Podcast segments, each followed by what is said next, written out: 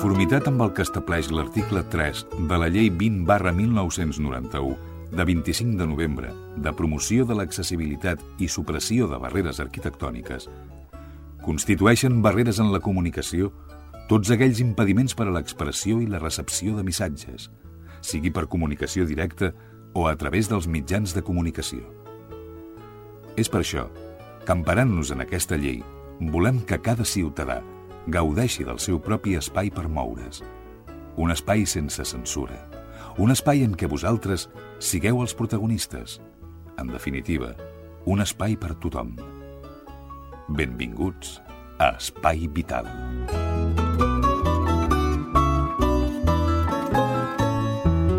Senyores, senyors, què tal, com estan? Benvinguts, ben trobats, una setmana més a un programa més a l'Espai Vital que ara comença. La companyia de la Teresa Diviu, la nostra cuinera adaptada, que ja la tenim per aquí. Teresa, bon dia. Bon dia i bona primavera, ja. I, i el nostre cercador, l'Alfredo Ángel Cano Toledo. Bon dia. De todos los santos o no. Buenos días. Buenos días. Molt bé, amb els components de l'equip d'Espai Vital comencem el programa d'avui.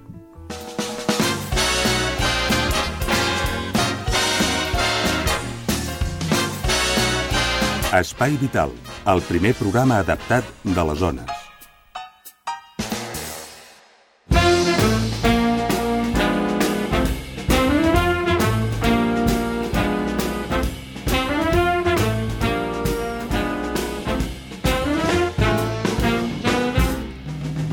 Comencem, doncs, aquest programa d'avui. Ja sabeu que a l'Espai Vital el que busquem és informació de les novetats i investigacions que es fan sobre les malalties. Molt bé, avui comencem, avui comencem amb una informació que parla del cromosoma 13, vale? que implica el que tu puguis agafar o no la malaltia mm, crònica que es diu esclerosi múltiple. Doncs bé, hem parlat amb el doctor Manel Comabella de l'Institut de Recerca Universitària Vall d'Hebron, que ha fet l'entrevista. De fet, el doctor Comabella està dins de l'equip de Xavier Montalbán, que des de sempre ha estat eh, investigant sobre aquesta malaltia. Anem a escoltar l'entrevista que la, li realitzàvem al doctor Comabella. Escoltem-la. Identificada una regió del cromosoma 13 com a factor de risc de l'esclerosi múltiple. Aquest és un tema portat des de l'Institut de Recerca de l'Hospital Universitari Vall d'Hebron de les mans del doctor Manel Comabella, que està dintre del grup d'investigació d'esclerosi múltiple capitanejar pel doctor Xavier Montalbán, que porta forces anys amb aquest tema. El saludem, doctor Comabella, buenos días. Hola, buenos días. Eh, doctor Comabella, ¿qué es lo que se ha encontrado que hasta ahora no se había encontrado? Bueno, los resultados de, de este estudio genético suponen un avance importante en la identificación de las regiones de, del genoma o cromosomas que se asocian con un mayor riesgo genético de tener la esclerosis múltiple. Es decir, estamos encontrando maneras eh, para saber si esa persona que ahora mismo eh, puede estar enferma y no se sabe el qué, puede padecer o no esclerosis múltiple. Exacto, se, trata de, de identificar eh, aquellas regiones que pueden estar implicadas en el riesgo genético de la enfermedad. Hasta ahora se conocen pocas y esta sería una adicional que no se conocía anteriormente. Um, evidentemente el problema con la enfermedad es que tiene un componente genético que se denomina poligénico. ¿Qué quiere decir esto? Quiere decir que hay varios uh, genes que están implicados en el riesgo genético de la, de la enfermedad, pero en un número indeterminado que no se conoce bien, pueden ser 10, 20, 30, y cada gen contribuye con un riesgo diferente, habitualmente bajo o moderado, en el desarrollo de la, de la enfermedad. Eso quiere decir que eh, para nivel, a nivel investigación, para encontrar una solución para esta enfermedad, estaremos cada vez más cerca. Por supuesto. Eh, en la actualidad, eh, nuestro grupo está trabajando en la identificación del gen o de los genes que se encuentran dentro de esta región cromosómica y que explican este mayor riesgo de tener la, enfermedad. De identificarse este gen abriría, por supuesto, las puertas a un mayor componente del componente genético de la esclerosis múltiple y a la posibilidad de diseñar nuevos tratamientos que actúen sobre la proteína a la que da lugar este gen identificado. Eh, eso significaría también, no sé, dentro de mi, mi poca actualización que tenga yo sobre este tema, que, ahora mismo eh, se puede empezar a hablar de posible estudio muy cerca con células madre o no tiene nada que ver? No, lo de la, las células madre es un, es un campo de investigación totalmente diferente que no tiene ninguna relación con los estudios genéticos de, de este tipo. Eh, ¿No se descartaría por eso el estudio con células madre?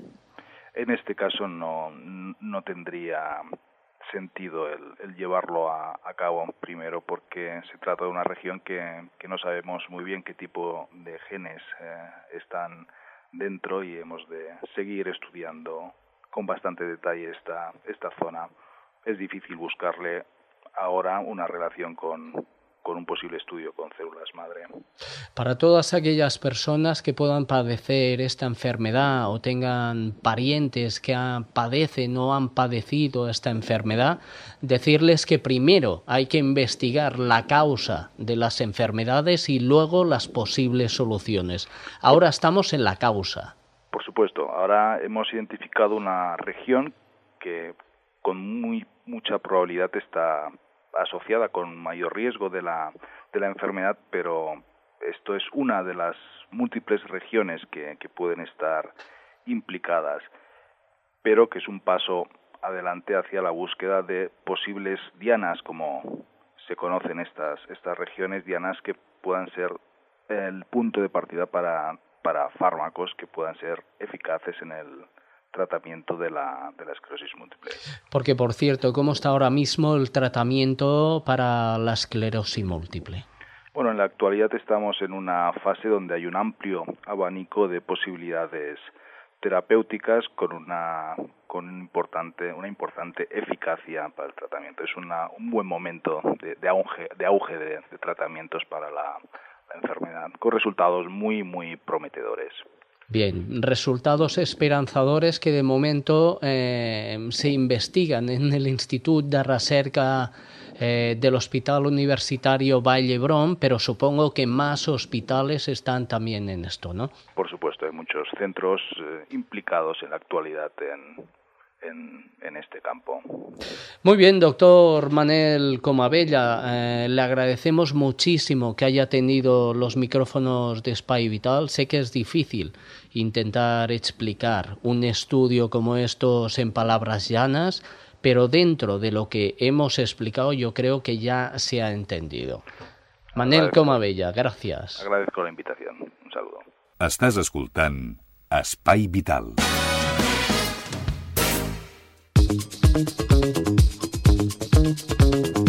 Sintonia roda informativa. Com sabeu, en fem una volteta per totes i cada una de les emissores que fan possible aquest espai vital. Comencem amb Cerdanyola. Allà es troba la Rosa Morante. Escoltem-la. Hola, Xavi, què tal? Avui des de Cerdanyola Ràdio us expliquem que la línia B2 de Sarbus arribarà en breu termini fins a l'Hospital de Sabadell, segons ha anunciat la Generalitat, amb l'objectiu de millorar la connexió de Cerdanyola amb l'equipament sanitari de referència per la nostra ciutat. El director general de Transport Terrestre, Manel Villalante, ha anunciat que la línia d'autobús, la línia B2 de la companyia Sarbus, que uneix Cerdanyola i Ripollet amb Sabadell, arribarà en pròximes setmanes fins al centre hospitalari del Parc Taulí de Sabadell. Villalante feia aquestes en declaracions en l'estrena de la perllongació de la línia d'autobús B1, que actualment connecta Badia del Vallès, Barberà del Vallès i el centre de Sabadell, per tal de millorar l'accessibilitat a l'hospital de la capital vallesana. Villalante indica que serà el preludi de l'estrena de més línies de bus comarcal abans de Setmana Santa, com ara el nou servei entre Cerdanyola, Sant Cugat i Rubí, o la que connectarà Sant Quirze i Terrassa. D'altra banda, Polinyà i Santa Perpètua estrenaran connexions directes amb Barcelona. I a més de les obres d'extensió dels ferrocarrils de la Generalitat de Catalunya, el responsable de transports terrestres de la Generalitat va afegir que al setembre hi haurà també un servei entre Sabadell, Barberà, Badia i la Universitat Autònoma de Barcelona en què es preveu construir una estació d'arribada de totes les línies d'autobús que donen servei al campus.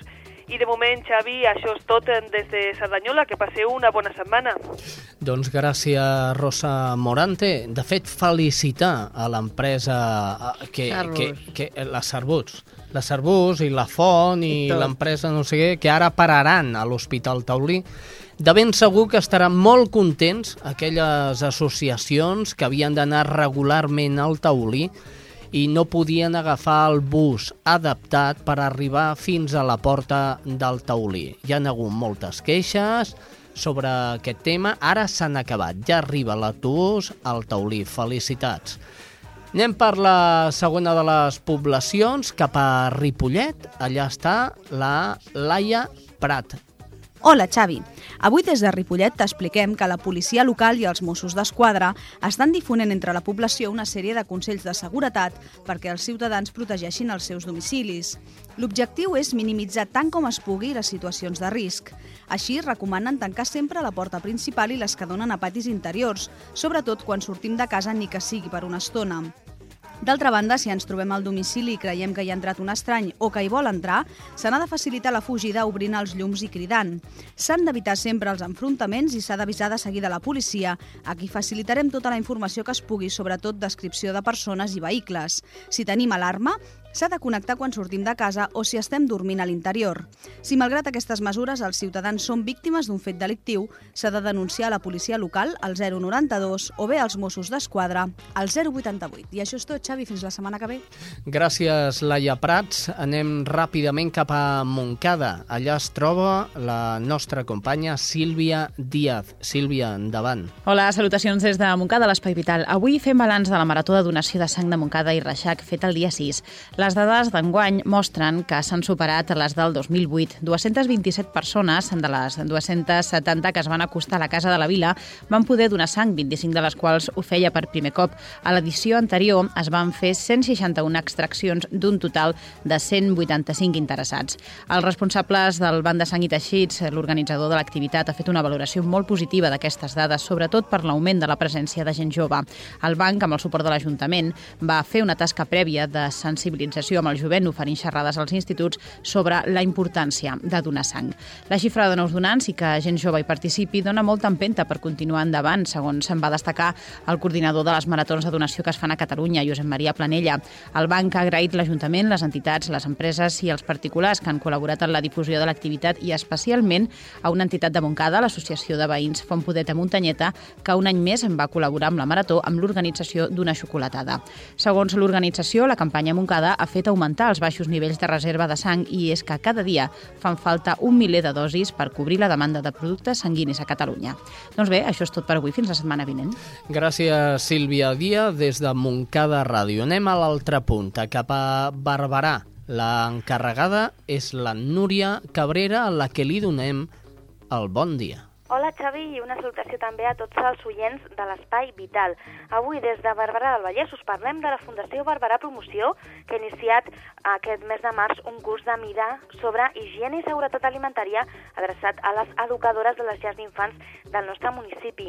Aquest curs s'ha dissenyat en estreta col·laboració amb l'àrea de salut de l'Ajuntament de Barberà del Vallès. El programa, quan a continguts, calendari i horari, ha estat confeccionat totalment a mida de les necessitats de les treballadores de les llars. Entre els continguts principals es troben definicions i conceptes generals, conductes i hàbits higiènics, normativa aplicable al sector i les bones pràctiques higièniques i prerequisits. Des de Barberà és tot. Gràcies, Núria Cabrera. Anem cap a Santa Perpètua, la última de les nostres cròniques que ens porta l'estrella Núñez. Hola, Xavi. Hola, amics i amigues de l'Espai Vital. Avui us expliquem una notícia solidària. L'Ajuntament de Santa Perpètua de Mogoda enviarà tres ambulàncies a Mauritània i a Gàmbia a través de l'ONG IPA Solidària, formada per policies, que s'encarregarà de traslladar els vehicles de forma desinteressada. En aquesta iniciativa, subvencionada pel Consistori de Santa Perpètua, també participaran altres ONGs, com Creu Roja de Sitges, que portarà dues ambulàncies, i TSC de l'Hospitalet, que preveu col·laborar també amb dos vehicles. Els membres de la, de la delegació a Catalunya d'IPA Solidària, que seran els encarregats de transportar fins a l'Àfrica aquestes ambulàncies estan mantenint converses amb altres associacions per aconseguir més ajudes. L'objectiu és formar una caravana solidària amb nou ambulàncies per a diversos països. El comboi estarà format per vuit policies de l'ONG IPA que iniciarà el viatge durant el mes de novembre. Els membres de l'ONG aportaran material sanitari i un vehicle tot terreny per a les organitzacions solidàries que treballen a la zona. A més, els acompanyarà un expert en duanes, un metge i tres mecànics. L'expedició a Mauritània i a Gàmbia, que realitzarà l'ONG IPA, respon a les demandes de l'entitat local Santa Perpètua Solidària, que ha reclamat ajudes per a aquestes zones. Dues de les ambulàncies aniran a Gàmbia i la tercera a Mauritània. L'Ajuntament de Santa Perpètua subvencionarà un viatge per portar ambulàncies i equip sanitari a Gàmbia i a Mauritània, un compromís adquirit a petició de l'ONG local Santa Perpètua Solidària. L'ONG de policies IPA s'encarregarà de fer el trasllat dels vehicles. Ja us avisarem quan facin el viatge, però de moment això és tot des de Santa Perpètua. Fins la setmana vinent. Amb la veu d'Estrella Núñez acabem aquesta roda informativa. Recordeu, Cerdanyola, Ripollet, Montcada, Barberà i Santa Perpètua. Les emissores que totes juntes coprodueixen l'Espai Vital. Molt bé, hem arribat a un punt en què jo us veig a tots dos una cara de son d'aquesta... He aixecat molt aviat, eh, no he dormit gaire bé... Eh? Com esteu? No, no, jo bé. Has dormit bé? Oh, jo sí. Sí? I tu? Tu has eh, dormit jo bé? Jo tinc una miqueta de son. Una miqueta de son. Vosaltres creieu que el problema del son és una malaltia o no? Sí. Sí? sí. Tu creus que sí? I tu? Home, depèn, no? Depèn. Depèn, depèn. De què pende? De lo que pende, no? No, home, jo crec que en si no és una malaltia, però hi ha, per exemple, catalèptics, es diuen? Mm -hmm. Uh, Ca catalèptics, sí. dius tu, però, però això no té res no, a veure. No, no. Eh? Que això, això és la, la manca d'una substància al cervell. Sí, però no. la son com a tal... No, jo crec que no és una enfermetat. No, a vegades el menjar, el que es menja a la nit... Mm. Doncs mira, ara, ara us contradiré una mica. El, la son no és una enfermetat, però porta enfermetats vinculades al fet d'anar a dormir. Perquè quants cops no hem anat a dormir, hem roncat i ens hem quedat així com mig tapats del coll, que no podem respirar bé, bé. Tot això ho aclarirem d'aquí breus instants, després de la publicitat, eh, perquè parlarem amb el doctor Estivill. Ja el saben vostès, el metge del son de la clínica del doctor eh, Estivill de Barcelona. Doncs bé, com els hi deia, publicitat i anem amb ell. Què passaria si beguessis aigua només una vegada? Que al cap de poques hores et trobaries la boca i els ulls ressecs. Se t'acceleraria el pols i tindries convulsions. Després tindries vertigen i perdries el coneixement. Què passa si dones sang només una vegada? Que al cap de pocs dies ens comencen a faltar glòbuls vermells. Després baixen les nostres reserves per fer transfusions. Tot seguit comencem a trobar que ens manquen plaquetes. Així no podem ajudar els malalts de càncer, ni podem atendre emergències. Necessitem que tornis a donar sang, com tu necessites tornar a beure aigua. Amb una vegada no n'hi ha prou. Vine a donar. Banc de sang. Saps, filla, m'he trobat a la Montserrat. Fa temps que té anèmia i amb no res es cansa. Li he dit que si era celíaca, com jo... Ai, quines coses tens, mare! Una de cada 100 persones a Catalunya és celíaca i no ho sap. Si creus que pot ser celíac, truca'ns. 902 235 422. 902 235 422. És un consell de l'Associació de Celíacs de Catalunya. Estàs escoltant Espai Vital.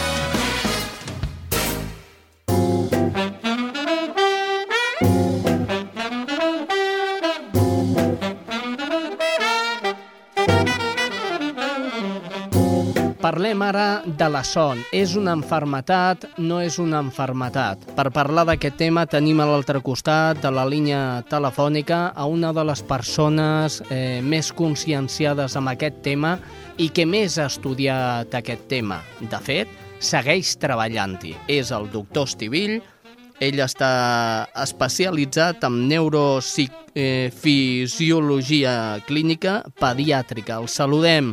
Eh, senyor Eduard Estivill, bon dia. Hola, què tal? Com anem? És, és eh, la son un, una malaltia o, o no la podem considerar com a tal? Mira, la son és una necessitat del nostre cos, com ho és la gana. Eh, és a dir, necessitem dormir per estar ben desperts. Durant la nit el que fem és reparar i restaurar tot el que gastem durant el dia. Això significa que és una funció vital per estar bé i arribar doncs, eh, sants eh, a edats avançades. Per tant, com tota funció del nostre cos, també poden tenir alteracions, que serien les malalties del son. Avui en dia tenim coneixements sobre el que és el son normal, les hores que hem de dormir, què passa mentre dormim, però també tenim coneixements sobre les malalties del son. Hi han tres grans grups de malalties del son. La gent que dorm malament, i això és una gran malaltia en el sentit de que s'ho passen malament i qui dorm malament està pitjor a l'endemà. Més ansietat, més problemes de tristor, depressió i trastorns físics. El segon gran grup és la gent que té massa son durant el dia i normalment és perquè durant la nit o bé dormen massa poc o bé passen algunes alteracions, com per exemple els roncs i les apnees, que fan que no descansin correctament. I per últim, tenim un gran grup d'altres coses que passen mentre dormim, com són el sonambulisme, com són la gent que dona patades mentre dorm, la gent que grinyola els dents, la gent que parla, la gent que té malsons, tot això formen part del grup d'alteracions del son. El fet de passar son, de no dormir bé, a què, a què és degut, doctor? Sempre són eh, causes, és a dir, el dormir malament és un símptoma. En medicina un símptoma és algo que ens passa, però que sempre hi ha una causa que ho provoca. És com tenir febre, no? Quan un té febre, el primer que fa és veure d'on li ve la febre. Doncs quan un dorm malament, el primer que ha de fer és veure quina és la causa que li provoca el mal dormir. Avui dia sabem més o coneixem més de 40 causes diferents que provoquen mal dormir. Des de la gent que pren molts estimulants, com cafè, coles, gent que pren drogues estimulants, gent que treballa de nit i ha de dormir de dia, això també és una causa de mal dormir, gent durant el dia està molt estressada, que té malalties, com per exemple gent que té una depressió, gent que té molta ansietat, gent que té malalties greus, com per exemple la gent gran que pugui tenir una demència, un Alzheimer, o fins i tot gent que té dolor, reuma, tot això són causes de mal dormir. Eh, la diferència entre gent jove i gent gran, qui són els que dormen pitjor i els que dormen millor? Bé, per, per, per edat, diguem. Ah, sí, dormim diferent al llarg de la nostra vida i, per tant, les alteracions també són diferents al llarg de la nostra vida. Fins i tot, avui dia sabem que hi ha nens petitets de 5, 6, 7 mesos que no dormen bé i, bàsicament, la causa d'aquest mal dormir en els nens petitets no són malalties, sinó que són uns mals hàbits de son. Per això hem escrit alguns llibres, com El nen a dormir, El duermete niño, per ensenyar a dormir als nens des de molt petitets. Després també sabem que els adolescents també poden tenir alteracions del son.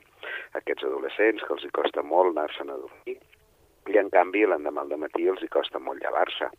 Els adults també tenen alteracions. Algunes d'elles ja els hi venen des de petits, per exemple, els que ronquen o els que donen patades mentre dormen. I la gent gran també tenen alteracions pròpies de la gent gran. Però fins i tot, no només per edats podem fer diferències, sinó també per gèneres. Per exemple, avui dia sabem que hi ha malalties del son que són específiques de la dona. Sobretot tots aquells insomnis o totes aquelles situacions de dormir malament que són degudes a problemes hormonals. Se sap que quan la dona entra en la menopausa sol dormir pitjor i la culpa és el trastorn hormonal que provoca la mateixa menopausa. També sabem que durant l'embaràs les dones dormen diferent, tenen molta son el primer trimestre i en canvi dormen malament l'últim trimestre. És a dir, poquet a poquet anem avançant i coneixem més coses d'aquesta activitat fonamental per la nostra vida, que és el dormir, ja que si arribem als 90 anys ens haurem passat 30 anys dormint i la gent pensa, bueno, però això és una pèrdua de temps. Al contrari, hem dormit 30 anys per poder estar 60 anys desperts i tenir una bona qualitat de vida d'aquests 60 anys.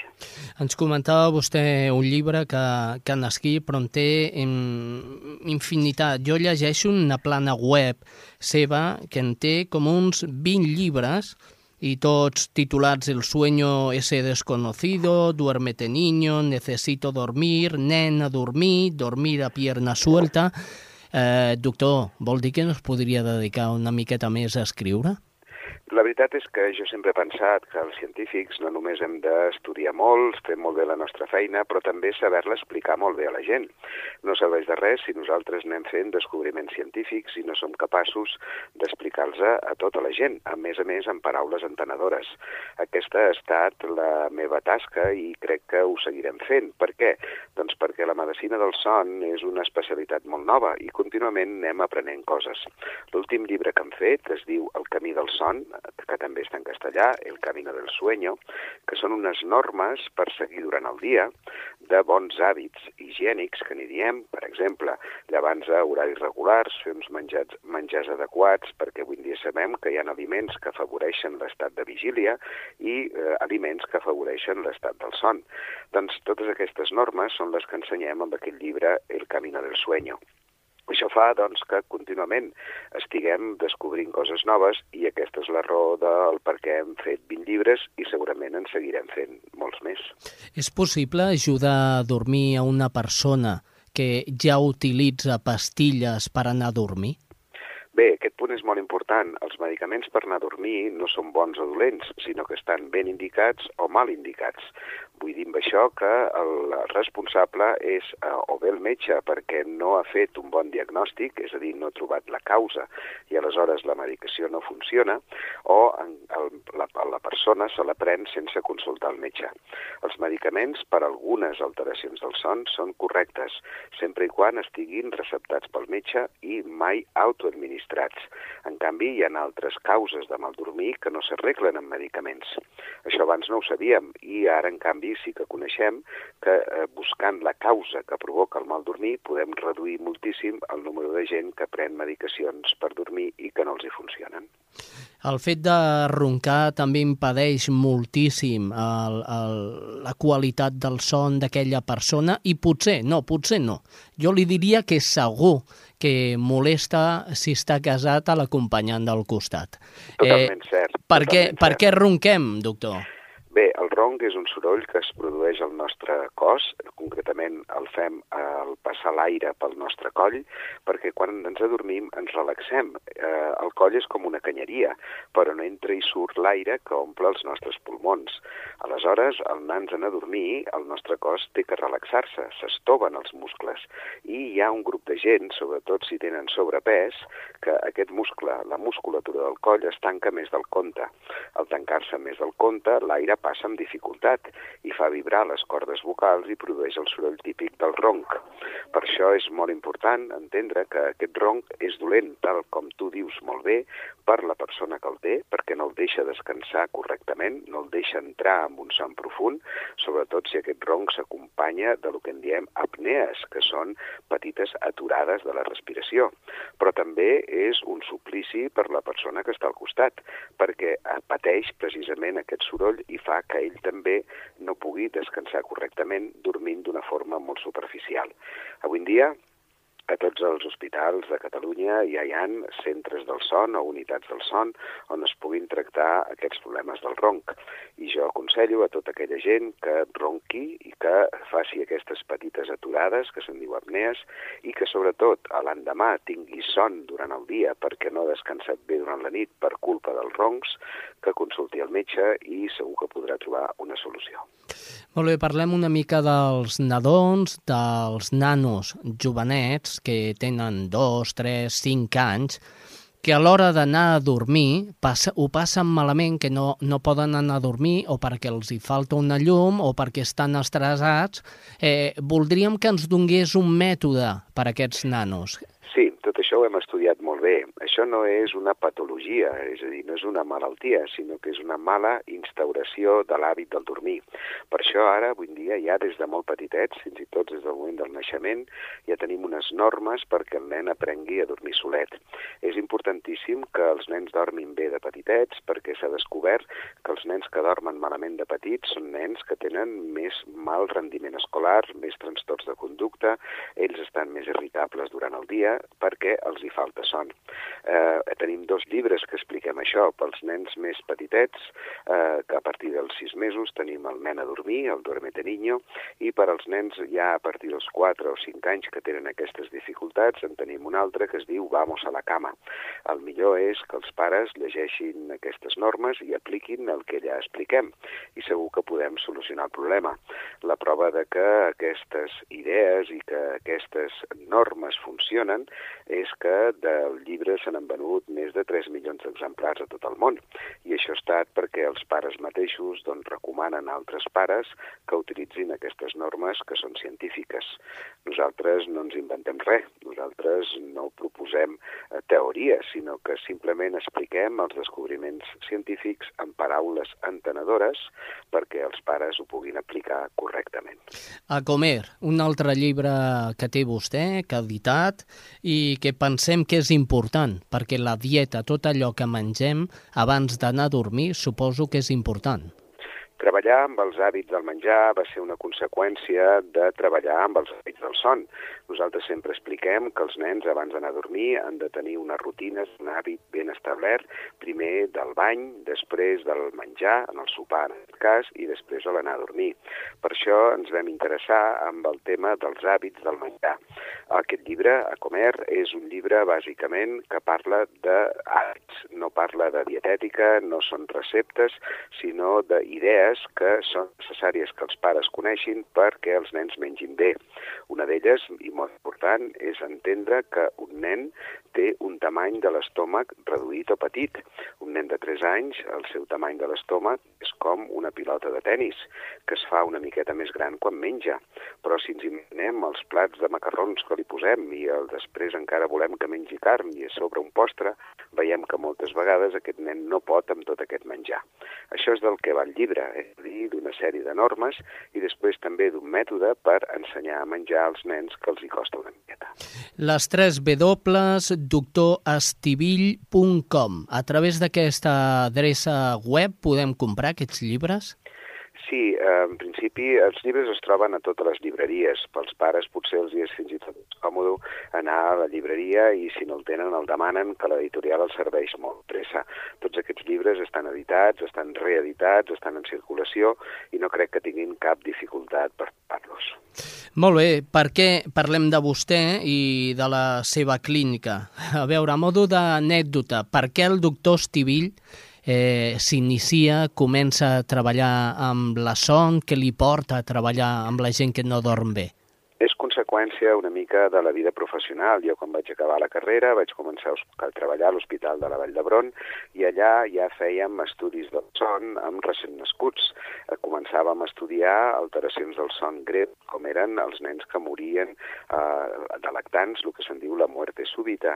A partir d'aquí em va començar a interessar el tema del son dels nens i posteriorment vaig tenir l'oportunitat d'anar a especialitzar-me a Estats Units i allà vaig fer tot el que és l'especialitat de medicina del son, on abarcava doncs, nens, adolescents, adults i gent gran.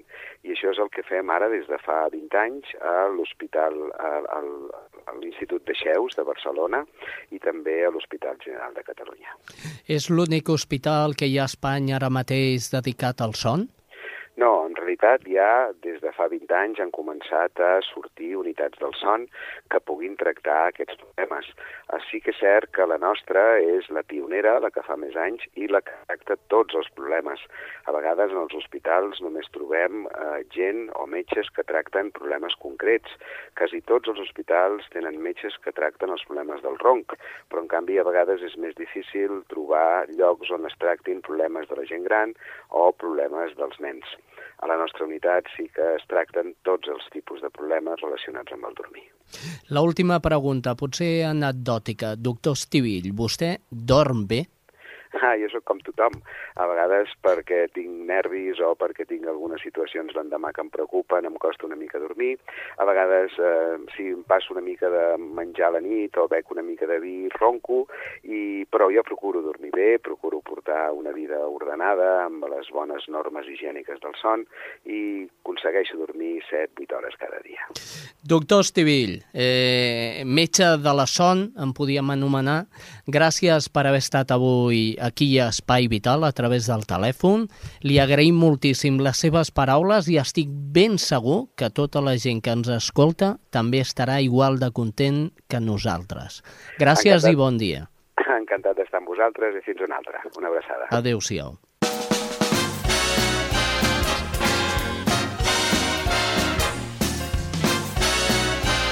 Espai Vital, el primer programa adaptat de les zones.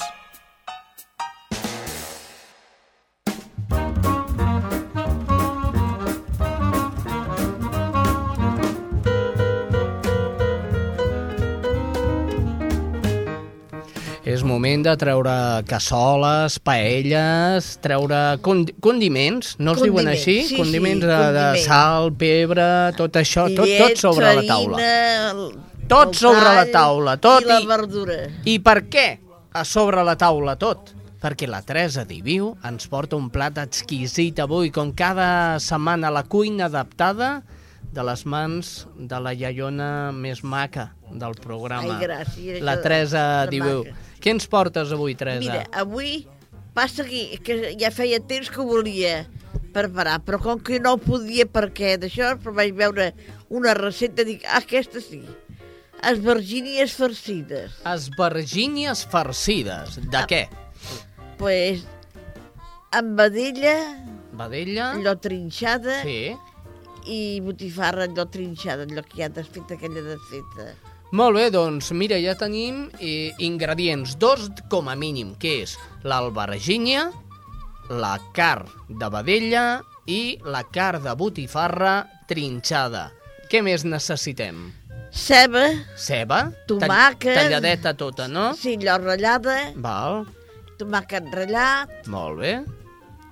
sal, pebre, i després per fer la bechamel. Per fer la beixamel. A Perquè veure, ja va bechamel també. què fa falta? Ceba ratllada, Sí? l'oli, Mm, una cosa d'una nou de mantequilla, sí. mig litre de llet i una cullerada de farina. Molt bé, aquí tenim els ingredients per fer un plat exquisit que ens ha dit la Teresa, que és albergínia farcida amb carn I bechamel... triturada, no? Sí, ah, sí, És que que- m'he quedat amb carn. No, no, carn triturada, sí. Triturada, val, sí. Bueno, l'esvergínia la poseu al forn. Per, bueno, primer li traieu la tija, la tija és la cua. Val. Li traieu la cua, la partiu per la meitat Hm, i la poseu en una plata de forn. molt bé. Tingueu el forn ja preparat, que es vagi escalfant.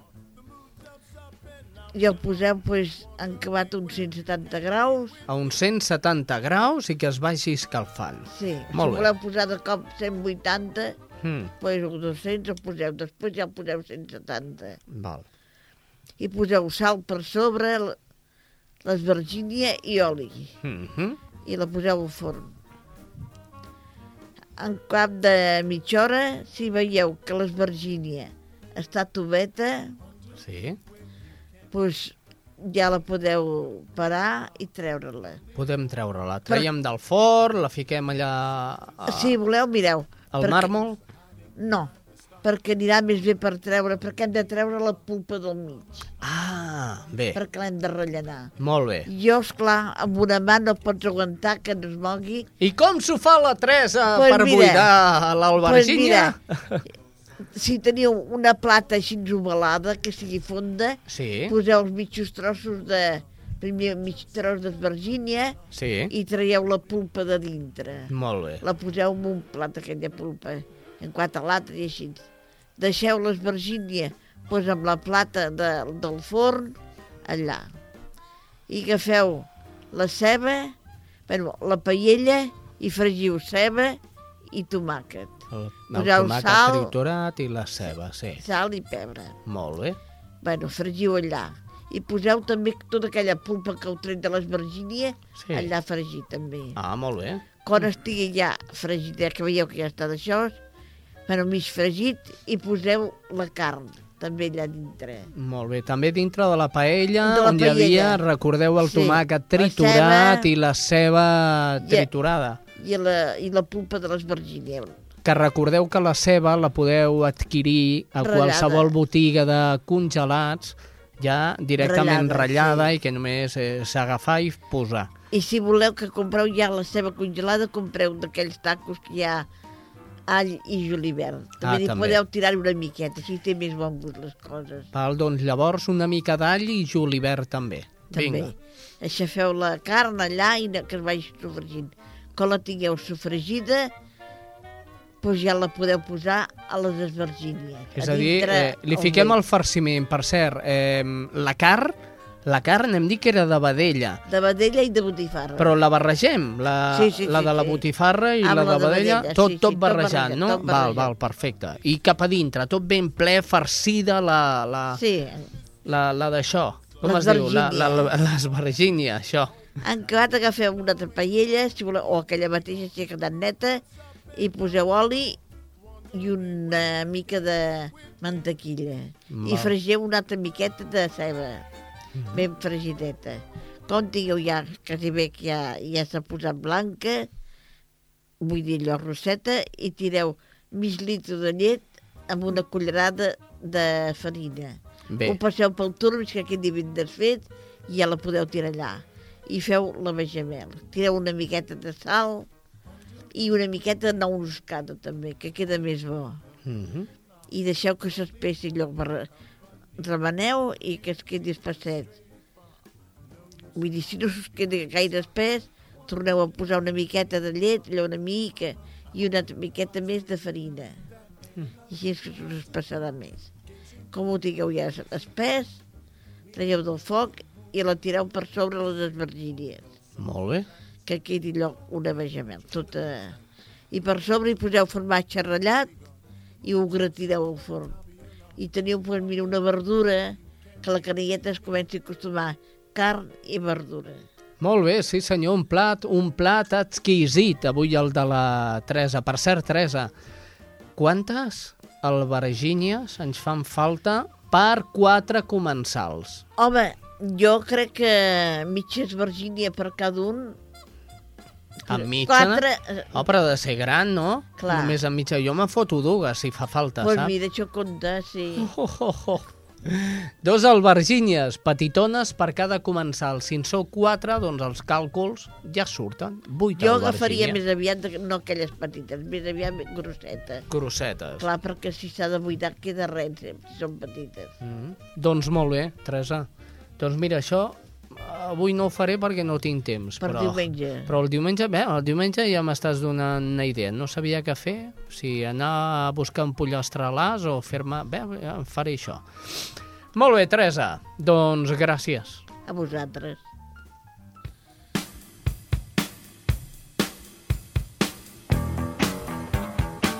I entre Esvergínia i Esvergínia anem amb el cercador, que una mica a una Esvergínia també una miqueta, eh? Només s'hi assembla. Més que res. Gracioset, estàs avui, eh? Alfredo Ángel Cano Toledo de Todos los Santos. Muy buenas. Muy buenas, muy buenas. Què ens portes avui? Doncs porto tres noticietes. Tres notícies, senyores, senyors, que apareixen dintre del blog d'Espai Vital. Apunteu ràpidament les 3 W punt radio guió espai guió vital punt blogspot.com a través d'aquesta adreça del blog podreu veure eh, pues, eh, eso, eh, el que fem aquí Les notícies, i els programes de ràdio, etc tot, etc. tot. I el cercador, a més, escull d'allà les notícies que ens porta avui. Comencem. La primera de les notícies és que el temps d'espera per operar-se a Catalunya és de 4 mesos. Realment increïble. Les catarates, els galindons, l'artroscòpia, són les intervencions que més persones estan esperant per fer-se pel Servei Català de la, de la Salut. El, tren, el temps que trigaran a operar-se és d'uns 4 mesos de mitjana, una mica menys que l'any anterior, en el 2007. En les proves de diagnosis, el temps d'espera és de 45 dies. Una nena sobreviu a l'extirpació d'un tumor que ha obligat a extreure-li sis òrgans vitals. És increïble, Teresa. Ah, jo sí vaig sentir-ho l'altre dia i escolta, És- aquesta eh, criatura jo no sé, pobreta. No, és, és molt bèstia. És que et treuen, et treuen òrgans, Sí, el foten sobre la taula... Ja l'he, ja... I és clar, per posar-los... Ah, eh, acabat, passen una miqueta el raspallet i, i ja, Ja ho netegen tot, tornen a fotre a dintre. Hi ha alguns que no els van poder No, ficar, eh? ni no. l'estómac, ni el pàncreas, ni Sí, no, no, sé no. què més. Pobra nena. Molt bé. Una nena nord-americana de 7 anys ha sobreviscut a una complicada operació per es- estirpar-li un tumor de grans dimensions que tenia allotjat a l'abdomen. Més o menys seria com una pilota de tennis, aquest tumor. Una pilota de tennis. Sí, sí.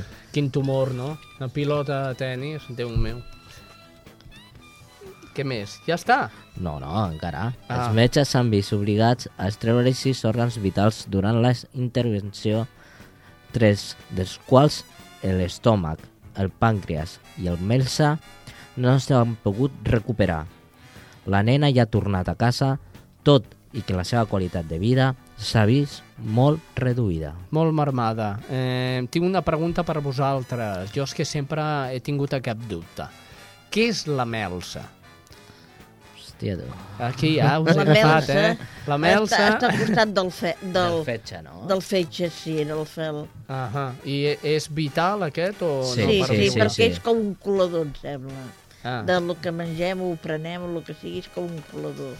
Doncs molt bé, com vital també eh, és la següent notícia que ens porta el cercador. Deixa'm que ho vegi, que no, si no la veig malament, eh? Ah, sí, aquí. Denuncien l'acomiadament de dos infermers per ser zeropositius, és a dir, per tenir I la- la sida. La sida. Diverses organitzacions de defensa dels drets homosexuals han denunciat l'acomiadament acomi, acomi, Acomiadament, acomiadament. de dos infermers per seropositius. Han interposat una demanda per acomi, acomi, Acomiadar. Ai, Ai. És la son, és la son. És la son, ja, ja ho veig. Improcedent i demanen la seva readmissió immediata. El judici es va celebrar ahir a Barcelona i està pendent de sentència. La clínica Diaverum, dedicada a serveis de teràpia renal, va realitzar a final de mes de novembre diverses proves mèdiques als seus empleats. El resultat va mostrar que dos dels seus infermers són seropositius, per la qual cosa, l'1 de desembre va enviar-los una carta on se'ls notificava que el resultat de no apte per treballar a la clínica. El que està clar és que l'hem de portar amb aquest noi a, a l'estivill, eh? L'hem de portar perquè, primer, que fot una cara de son. Oi, si jo no sé què ho fa, no sé Sí, si, ho sé. si va cada nit por ahí o menja massa coses que no s'ha de menjar. Ai, jo crec Déu. que menjo masses coses, eh? Jo crec que sí. Anem a, escollir, anem a escollir un conte, un conte que diuen que també és important. Mitja hora abans de que s'adormin, uns bons Ah, contes sí, que el- també estan al llibre Ui, de l'Estivill. I tant, jo no, els que arribava a explicar de cuentes. Eh, que sí? Això s'ho comprarem a la Marta, eh, més endavant. A la eh? Marta, bueno, ja, ja, ja ho veurem, ja ho veurem, a veure, a veure què passa, si és nen-nena o és un lagarto o què és. Teresa Diviu, gràcies. A vosaltres. Fins la setmana vinent. Si Déu vol. I a tu, Alfredo, eh, no et dormis, eh? Estigue't al cas, que si no et portarem a la clínica de la Son a No, li Barcelona. hem de posar un despertador. l'orella. Adéu-siau. Adéu-siau, fins la setmana vinent. I a vostès, senyores, senyors, tornarem la setmana vinent amb més notícies sanitàries interessants de la comarca i d'aquí, a nivell local. Gràcies, fins la setmana vinent. somriure i fer que la vida sigui un regal si pogués evitar les injustícies vagin millor. Si aixequem les mans, desenterrem-les del fang podrem moure el món. Vas voltant i veus aquelles coses que no has entès mai. Ben podrem canviar-les amb